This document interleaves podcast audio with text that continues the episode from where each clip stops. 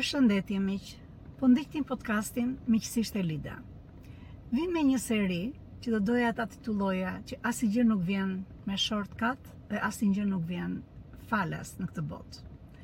Në fakt nisem nga përvoja personale dhe profesionale që kam pasur për vitin 2020 dhe 2021. Siç e dini, me ata që më kanë ndjekur, me ata që punojmë bashkë, ju dini që motoja ime që në marsin e 2020-ës, deri në, të themi, marsin e 2021-shit, ka qënë shërbe, mos shit, që është serve, not sell.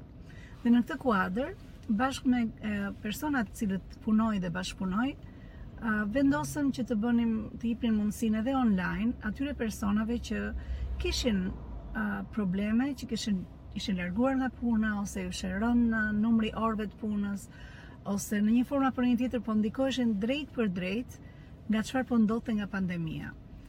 E thënë kjo, ishte shumë e rëndësishme, sepse kjo ishte më shumë për njerëz të cilët donin të ecnin dhe kishin ngecur në vënd. Nga ana tjetër, ishte dhe për të ndihmuar ata persona të cilët për shkaqe të ndryshme nuk i, nuk i kanë mundësitë financiare për të më paguar që të marrin shërbime nga unë. Dhe ky qe një moment që unë them e hapa një derë të pasme, që kushdo që donte, donte, donte thjesht të futej në faqen time dhe të thoshte që kam nevojë për një uh, sesion falas me mua direkt, ose me një nga coachët e mi, por këto ishin kryesisht që i kam mbuluar vetë. Edhe për faktin se qe koha që ishim mbyllur brënda, Zoom-i po përdorej gjithmonë e më shumë, dhe që t'i bie shkurt është që unë marr e shikoj tani këto statistika. Për shumicën prap të atyre që më njohin e dini që unë jam pak e fiksuar te statistikat dhe të dhënat më shumë sepse shkenca sjellore mbi të cilën unë bazoj gjithë programet e mija, do të ngelej vetëm një art apo ai tha, unë tha, unë tha, ti the, në qoftë se nuk kemi disa të dhëna, që na mbështesin pikërisht këto që ne mësojmë me njëri tjetrin. Po ju kthehem disa të dhënave. Le të marr vetëm 97 intervista që unë kam bërë, 97 sesione që kam bërë. Pra persona të cilët uh, merrnin njoftimin nga të tjerë dhe futeshin dhe aplikonin për sesionin falas. Më lejoni t'ju them, në gati 80% të këtyre personave asnjëherë nuk kanë qenë që të kenë dalë në orarin e duhur. Pra edhe pse merrnin një sesion falas, edhe pse kishin dikush i kishte rekomanduar dhe i kishte folur, i kishte thënë që shiko se do do do do normalisht tani po e merr falas, më mbrapa mund të paguash më shumë për këtë gjë, prandaj jepi dhe jep jep dhe merr maksimalen. Po ju them 80% e tyre të tërë kanë hyrë me vonesë. Dhe kanë hyrë me vonesë pa, domethënë pa ndonjë arsye të dukshme.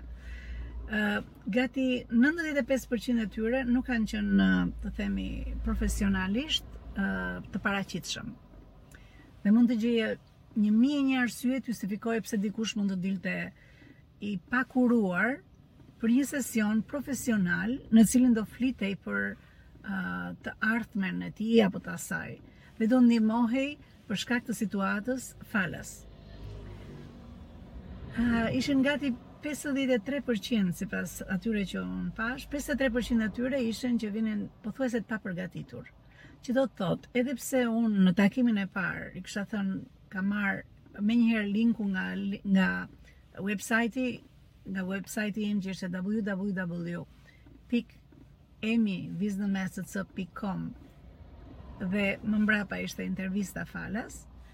Uh, mbasi vinte një njoftim tek unë, iu çoja një link që iu shkonte automatikisht, ku i thosha, ju lutem, shikoni një dy tre gjëra, që kur të ulemi të flasim, të futemi direkt në gjërat që ti ke nevojë. Pra, do bërë një parapërgatitje, gjysma e tyre, Këtë gjënë e evitonin, pra nuk merreshin fare me këtë gjënë.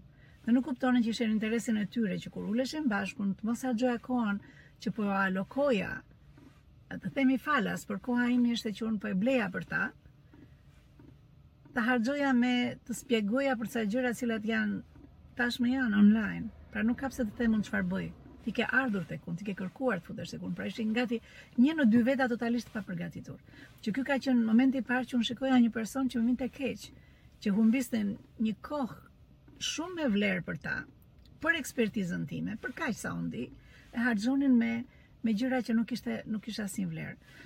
Ë uh, ajo që është pastaj më mbrapa dhe kam marrë kohën që të shikoj këto gjëra dhe të marr t'i ndjek sa po ecin e si po ecin.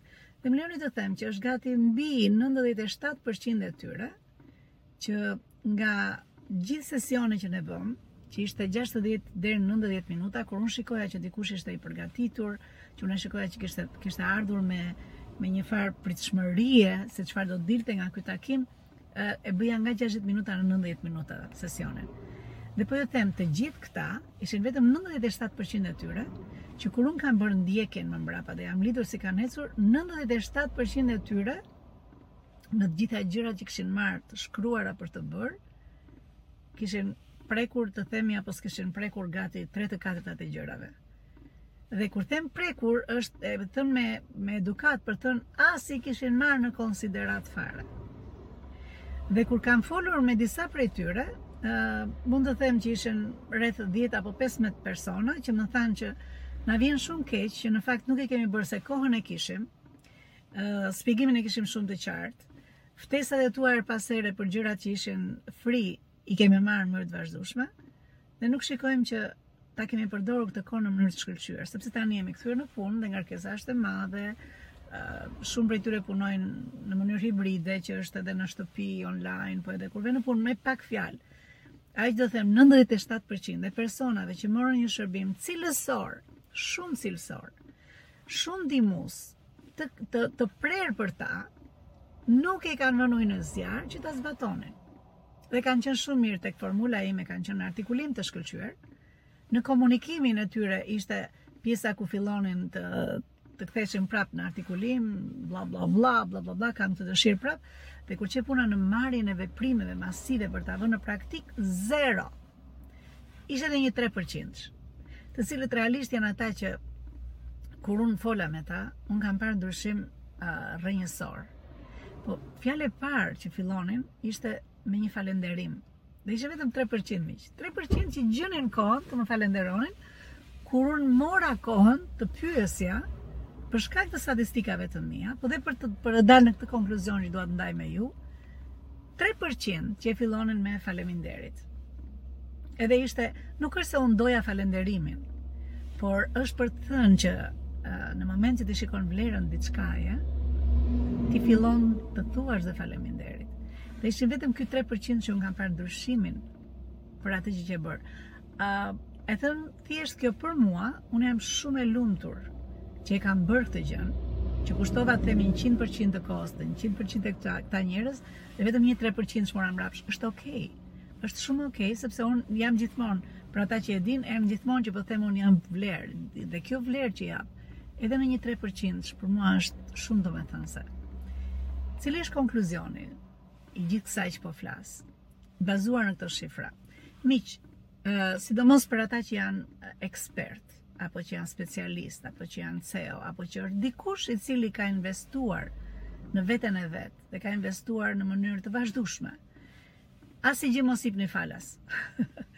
Mos jipni falas sepse në fakt ekspertiza juaj është një shumatore e orëve të shumta që ti ke mësuar, ke punuar, ke dështuar 97% të rasteve.